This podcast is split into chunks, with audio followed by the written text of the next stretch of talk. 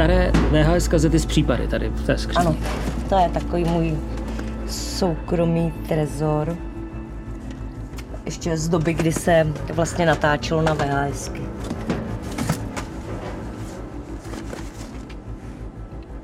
Mámy, My jsme našli ten materiál. vypadá to, že jo? Jižní Čechy, středa 28. června 2006, poslední dny školního roku. 46-letý muž zoufale nechává vyvolávat svou ženu Janu v obchodním centru v Českých Budějovicích. Odešla prý vybrat peníze z bankomatu a přestože na ní čekal s naplněným košíkem, už se nevrátila. Ani opakované hlášení nevede k návratu ženy a tak se jí její manžel Jiří vydává hledat. Obvolá děti, příbuzné, známé, navštíví manželčiny rodiče, ale vše bezvýsledně. Druhý den přijde na Českobudějovické místní oddělení policie, aby nahlásil její zmizení. Vzpomínám si, jak to začalo. Začalo to vlastně tím, že ten pán Jiří v podstatě přišel na obvodní oddělení oznámit, že pořešuje svou manželku, kdy měl línu za nechty a špinavý kolena. Což bylo takový zajímavý. Kriminalista Radek Interholz měl tehdy informace přímo od kolegů a ti se mu svěřili, že mají z oznamovatele zvláštní pocit. Jenže zmizení oblíbené učitelky základní školy pouhé dva dny před koncem školního roku a těsně před plánovanou dovolenou s kolegyněmi mohlo mít mnoho důvodů a všechny bylo potřeba prověřit. Vyšetřovatelka Renáta Miková si připomíná hektické začátky pátrání po pohřešované mámě tří dětí, které by tak náhle sama určitě neopustila. Provádělo se samozřejmě šetření ve škole, kde učila, tak se vyslýchali vlastně kolegyně, jestli neměla nějaké trápení, jestli někdo nevyhrožoval, jestli neměla nějaké sebevražedné sklony a podobně.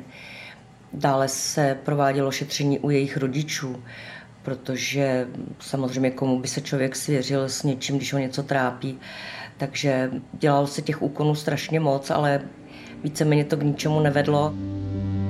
Kriminalisté ale zjistili, že paní Jana se s manželem Jiřím rozváděla a s dětmi už nějaký čas žila v malém bytě, který jí poskytla škola. V té době už také měla přítele. Manžel Jiří na policii dokonce vyslovil domněnku, jestli s milencem neutekla a nebo jestli ji někdo neunesl, když vybírala peníze z bankomatu. Ani jedna jeho verze ale nezněla příliš pravděpodobně.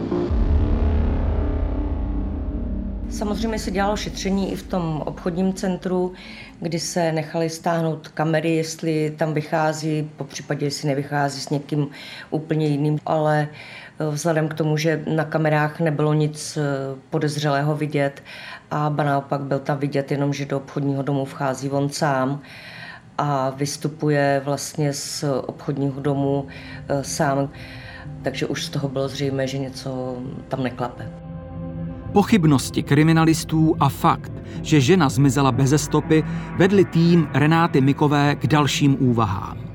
Jak rodina, tak známí párů schodně popisovali, že manželé spolu neměli dobré vztahy a že jablkem sváru byl objekt bývalého mlýna. Na romantickou usedlost zaměřila vyšetřovatelka Renáta svou pozornost od samého počátku a místo se mělo stát dějištěm zásadních okamžiků případu.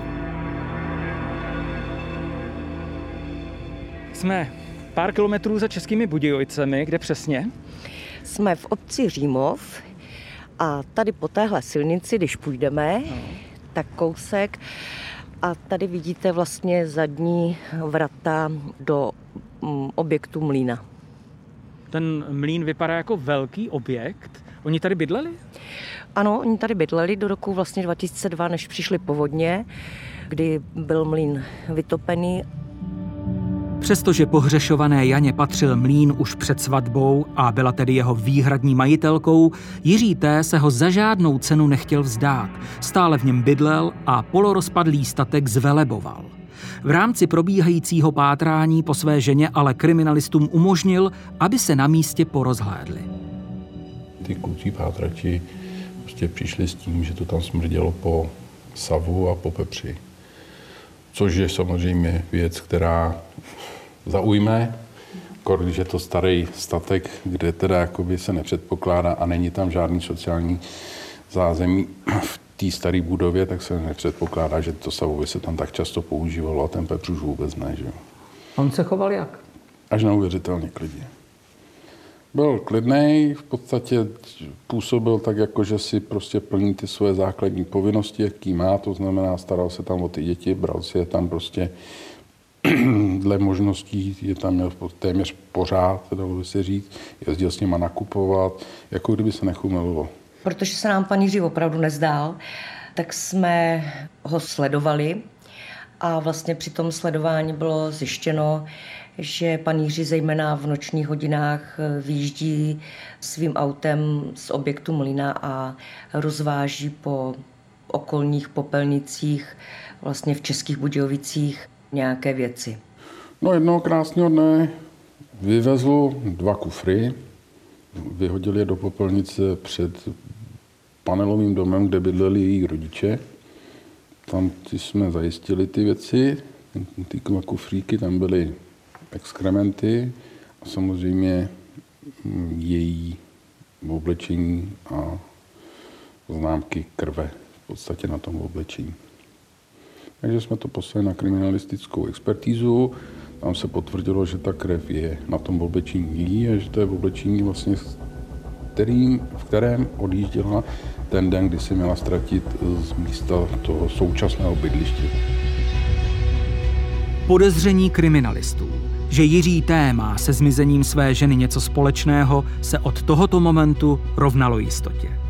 A protože Zemlína začal po nocích vyvážet i hlínu a stavební suť, ve které kriminalistický technik objevil hnilobné červy, obávala se vyšetřovatelka Renáta Miková, že Jiří T. se možná snaží zbavit mrtvoly. Státní zástupce vydal rozhodnutí o vzetí do vazby a Jiří T. byl 17. července skutečně zadržen. Zatímco ve vazbě mlčí, začínají probíhat důkladné domovní prohlídky, kterých se odmítá účastnit. Dne 18. července 2006 v 06.45 je zahájena domovní prohlídka prováděná v objektu Jiřího v obci Římov ta domovní prohlídka trvala přes tři týdny v kuse, kdy jsme tam vždycky ráno přijeli v počtu 30 až 40 lidí. Dostali jsme úkoly, kdo, kde bude pátrat a pracovalo se tam takhle do večera, vždycky do 8 hodin. Pak tam nastoupili kolegové z obvodních oddělení, kteří se střídali, aby vlastně objekt se střežil nepřetržitě. Nejprve se prohledával ten obytný prostor, kde bylo teda zajímavé, že jsme našli rozečtených několik detektivek. V některých detektivkách měl i podtržený pasáže, takový zajímavý pasáže. Jako? Jako bylo třeba, jak postupovat s mrtvolou, jak ji odklidit a tak podobně. No. V některých detektivkách to popisují trošku podrobněji a to on si ty pasáže jakoby zaškrtal. Stejně tak měl zaškrtaný pasáže, kde jakoby zmáct psa při hledání stopy a tak podobně. Kriminalista Radek Interholz vzpomíná, že si knihy tehdy v týmu rozdělili a snažili se najít indicie, které manžel Jany mohl využít při ukrytí těla své ženy. Vše napovídalo skutečnosti, že hledají na správném místě a všudy přítomný pepř a dezinfekce je v jejich tušení ještě ujišťovali.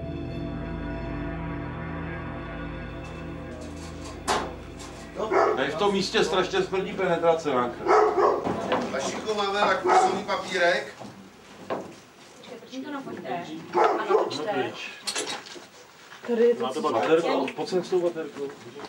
V přízemí hospodářských budov mezi navezenou stavební sutí, harampádím, hromadami dřeva a změtí trubek a kabelů tým kriminálky opakovaně nalézá krabice s chemikáliemi a dezinfekcí a balíčky s pepřem.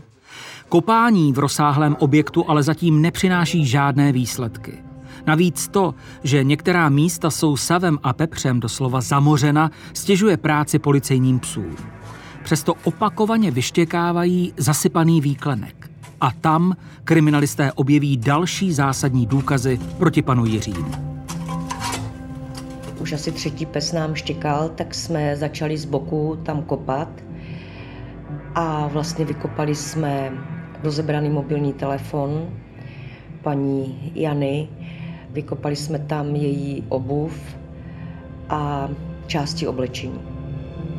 To byl okamžik zlomu a kriminalisté se rozhodli prozatím mlčícímu Jiřímu T. při výslechu postupně předložit důkazy, které proti němu mají a které svědčí o tom, že lže.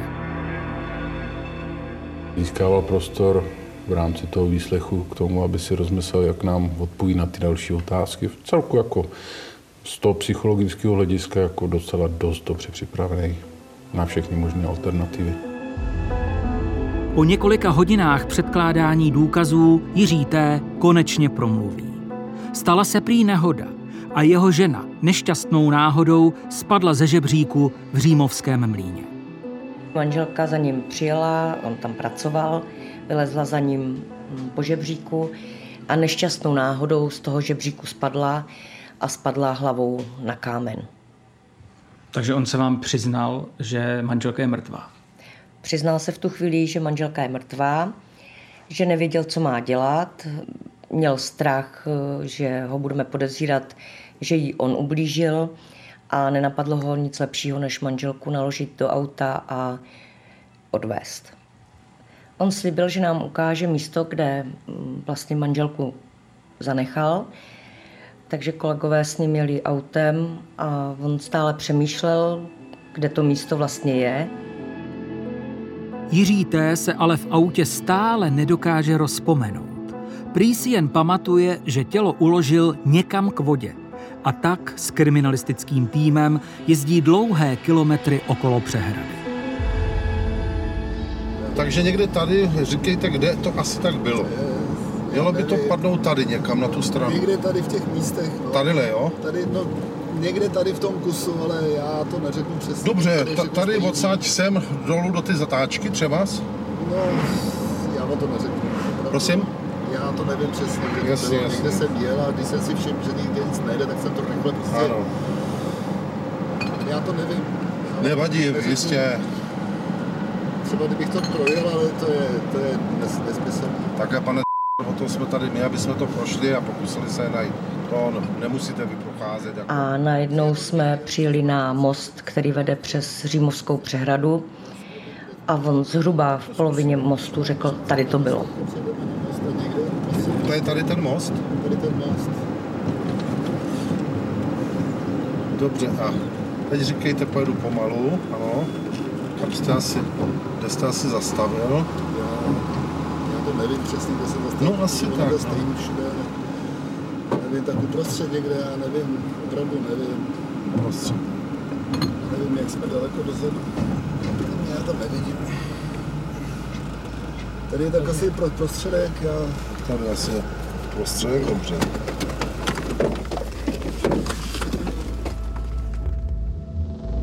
Uprostřed mostu zastavila dvě auta kriminálky a Jiří T. měl Renátě Mikové a jejímu týmu ukázat, odkud svou mrtvou ženu hodil do přehrady. Po chvíli rozhlížení a naklánění přes zábradlí mostu přišel s ohranou písničkou. Takže Takhle? Ukažte, ukažte. Sem jste jí dámal na tu stranu nebo na druhou? tady, jak jsem přijel, tak, tak kde tady jsem ji hodil. Já to nevím. Ne, já tam nikam nevyskočím, já nic držet, já nikam na inspekci. To je v pořádku. Já to nevím, někde, jestli třeba kus dál, tamhle, on to tady je všude stejný, já vám to neřeknu. Já si to nic nezapamatuju. Jak jste jenom překulil, nebo nějak jste do ní strčil, nebo jak to proběhlo? Já jsem ji vzal a hodil jsem ji přes to, no. Přesto, normálně. Když, eh, do jaké vzdálenosti si pamatujete, jak asi? Co? Do jaké vzdálenosti jste ji mohl hodit? Jak do jaké vzdálenosti? Jak daleko, jak? Nebo jenom jste ji překulil přes... přes... Zase ji švihnul jste s ní, nebo jste ji přek... jenom tady Jak, jak bych si překlopil? švihnul, jak to nejde švihnout. Teď normálně jsem jí prostě nějak chytil, nějak jsem ji vzal takhle uprostřed a přesto, no. Jiří T. na otázky Renáty Mikové ještě popsal, že jeho žena měla v tu chvíli na sobě tričko a kraťasy, do kterých se prý po příchodu ze školy převlékla. V zápětí s pohnutým výrazem v obličeji klesl u zábradlí mostu na kolena a rozehrál nevýdané divadlo. Takže se můžete zvednout a pojedeme.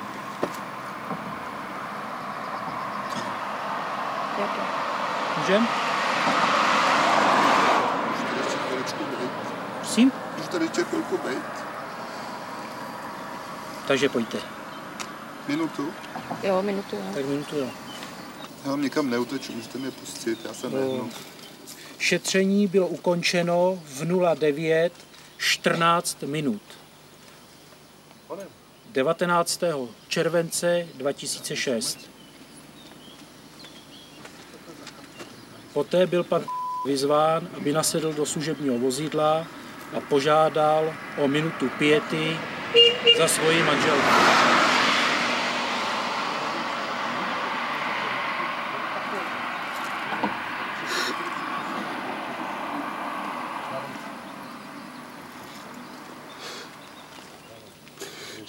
Ani to místo, kde byla přesně, kde jsem to udělal.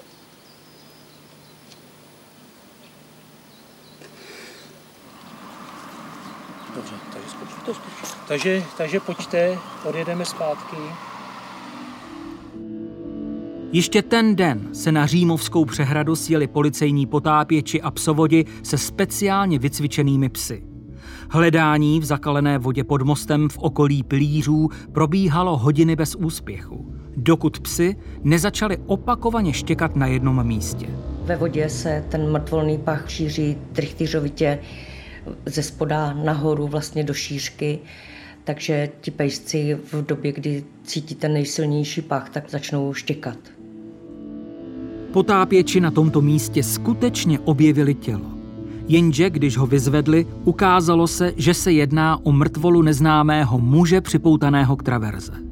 Později se zjistilo, že je to Roman Horáček, dvojnásobný vrah, který si ale svůj trest už odseděl. Jeho vražda zůstala nevyřešená dodnes.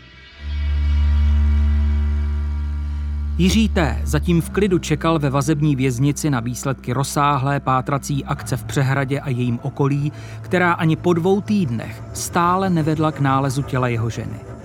Vyšetřovatelce Renátě Mikové se ale na začátku srpna roku 2006 naskytla neopakovatelná příležitost, když ve věznici dozorovala návštěvu sester pana Jiřího. Ty ho totiž na jeho otázku ohledně mlína uklidnili, že je tam všechno v pořádku. Já jsem toho v celku využila a po té návštěvě jsem mu říkala, že stále probíhá domovní prohlídka, které mohl být přítomen, ale nechtěl a on na to zareagoval tak, že by teda chtěl. Pamatuju si úplně přesně, byť je to tolik let, že to byl tenkrát čtvrtek a já jsem domluvila, že teda hned v pátek je možný, aby se tam měl podívat, že zařídím vyzvednutí ho z věznice, eskortu a že ho tam kolegové přivezou. Renáta Miková si byla jistá, že Jiřímu záleží na mlíně víc než na čemkoliv jiném. Věřila, že když po příjezdu do Římova uvidí, jak důkladně se tam kope a bourá, neunese to a začne vypovídat. V pátek 4. srpna přijel Jiří T. s policejní eskortou do Římova a starými vysokými vraty prošel na dvůr. Tam spatřil dvacítku kriminalistů s krumpáči a lopatami a bagry bořící zdi jeho milovaného mlína. To bylo to nejvíc, co asi zlomilo. Jo. Rozebírat mu tam to jeho dílo, který on leta budoval, viděl, jak vlastně mu tam bagřík vykopává v podstatě skoro i základy a bourací kladivo, jak mu tam navrtává zdi, který on přizdíval, to bylo asi to rozhodující, co se v něm zlobilo, když zjistil, že vlastně za prvý nedáme pokoj a dokud ji nenajdeme a za druhý vlastně mu tam zdemolujeme kompletně to jeho dílo. Z hrůzou zůstal koukat a říkal, jestli to můžu přerušit. Já jsem říkala, že můžu, ale že musí být nějaký důvod, abychom to přerušili. a on mi požádal, že by si promluvil s obhájkyní a že bude vypovídat. O tři dny později, za vytrvalého deště, eskortovala policie Jiřího T. po poradě s advokátkou na římovskou usedlost po druhé. Vypověděl, jak za ním manželka Jana přijela 28. června do Mlína a jak se hádali kvůli jeho rozdělení. Vylezla za ním po žebříku do patra a on do ní v rozčilení strčil, až spadla z několika metrové výšky. Na zemi pak v útoku pokračoval a vsteky bez sebe jí do hlavy tloukl cihlou tak dlouho, dokud se nepřestala hýbat. Při té výpovědi bylo zvláštní ještě to, že se přiznal vlastně k tomu, že paní zalepil oči a zalepil pusu, aby vlastně ta její duše zůstala tam s ním v tom mlínu. Jiří T. nejdříve kriminalistům ukázal první místo, na které svou ženu pohřbil. Tak tady v tom místě asi tak, ale v úrovni, já teďka to nejsem schopný. Když vezmeme, prostě že tady je vlastně... Tady byla zeď, jasně, tak, tady no. je ta zeď. Tu jste neměli bourat, to se ten barák rozsype. No, je, on se stejně rozsype. Tady už to stojí, stojí na takovým kousku. Takže zhruba tady v tom místě, jak je roh té zdi, tady byla vyzděná příčka, kterou jsem zboural v pondělí odpoledne. A první místo mojí jako na který jsem položil svoji manželku, tak to je tadyhle, já bych řekl, že zhruba v úrovni takhle hrudi asi tak.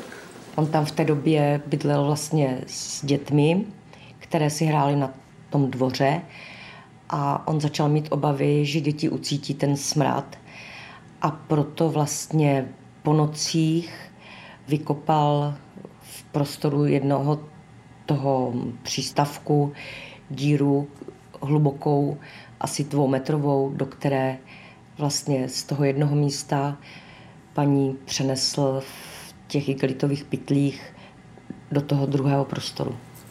A pak jste ji teda přenesl, takže si nám ukážete. Uh, už to místo.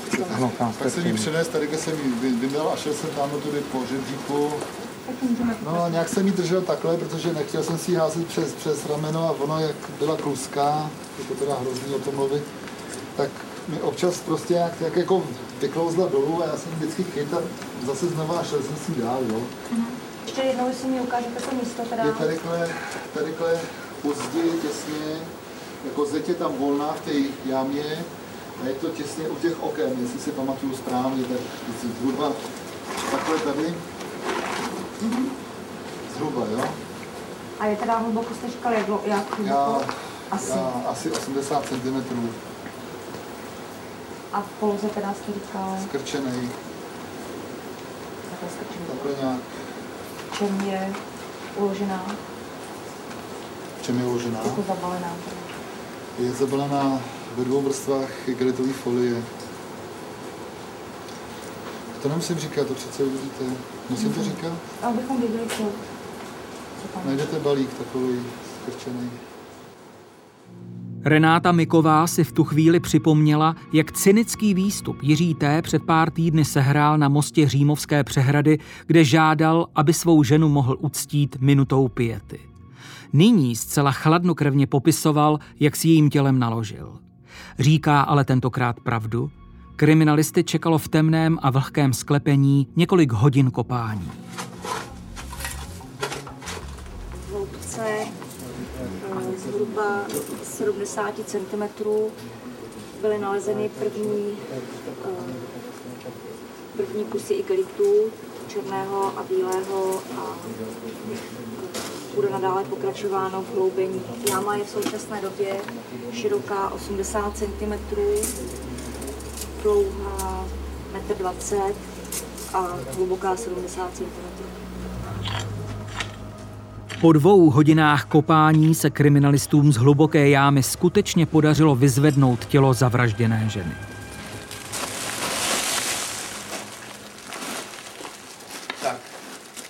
Na místě je přítomen soudní lékař, pan doktor Vorel. Bylo domluveno, že celý nález z igelitového pytle se rozbalí až na pitevně a soudní pitva bude nařízená policejním komisařem zprávy Českého kraje na zítřejší den na 8 hodinu ráno. Po odstranění igelitů z těla se ukázalo, že Jiří T. své manželce ústa i oči skutečně omotal lepící páskou a pitva dále potvrdila, že svou ženu ubil opakovanými údery těžkým předmětem do hlavy. On teda vlastně vypovídal jenom proto, aby se nerozbořil ten mlín? Přesně tak. Jenom proto, aby zůstal vlastně mlín zachován, protože si asi bláhově myslel, že jednou se tam vrátí. Měl takový k němu vztah. Já tomu na jednu straně rozumím, protože to bylo opravdu místo pohádkové, ale na druhou stranu to, co udělal, se nedá pochopit. Připravil vlastně děti o matku, děti ve škole o báječnou kantorku, rodiče o dceru. On si musel myslet, že je chytřejší než vy všichni. No tak samozřejmě. On si myslel, že nás převeze. On byl o tom bytostně přesvědčený, že nás převeze. A že ho nikdo nikdy nedostane. Jiří T. byl nejprve krajským soudem odsouzen k mimořádnému trestu a za mřížemi měl strávit 18 let. Vrchní soud ale toto rozhodnutí změnil, protože se nedomníval, že by vraždu své manželky plánoval a uskutečnil ji ze zjištných důvodů. Nakonec si tedy Jiří T. vyslechl rozsudek, který ho do vězení poslal na 15 let. Pozůstalým i kriminalistickému týmu nezbylo, než se s konečným verdiktem smířit, i když s ním nesouhlasili. Trest si Jiří T. odpikal a v současnosti je opět na svobodě.